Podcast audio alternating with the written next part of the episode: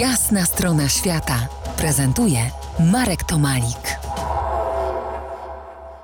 Wracamy na szlak koła polarnego w Grenlandii. Piotr Kilian po jasnej stronie świata, miłośnik pieszych wędrówek. 23 dni w osamotnionym terenie od osad czy jakichkolwiek skupisk ludzkich, ale sam szlak nie był pusty. Wiem, bo widziałem to na zdjęciach na Twojej prezentacji. Średnio raz dziennie spotykaliśmy jakiegoś myśliwego. Zazwyczaj je, jechali sobie na skuterze śnieżnym. Zwykle były takie e, dość e, spontaniczne, ale bardzo krótkie spotkania. Spotkaliśmy dwie duże ekipy międzynarodowe. Jedna to była e, ekipa Belgów. Ich to było chyba ze 30, w tym cała ekipa telewizyjna, mieli skutery śnieżne, czołgi i kręcili przejście jakichś belgijskich influencerów.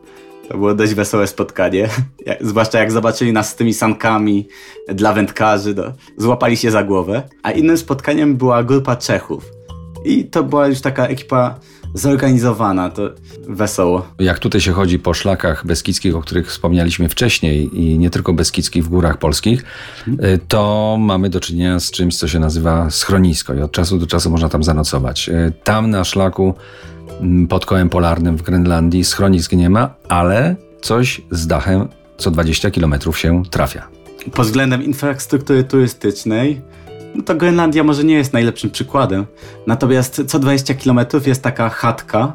Ona służy głównie myśliwym na czas polowań, żeby mogli się tam ogrzać i faktycznie korzystaliśmy z takich chatek. Mieliśmy też własny namiot, z niego też korzystaliśmy, ale jak była okazja się przespać w chatce, to jak najbardziej na tak. Zwłaszcza, że są otwarte, darmowe, nie trzeba nigdzie rezerwować e, i zazwyczaj były puste. Tylko raz chyba nam się zdarzyło, że mieliśmy jakichś współlokatorów.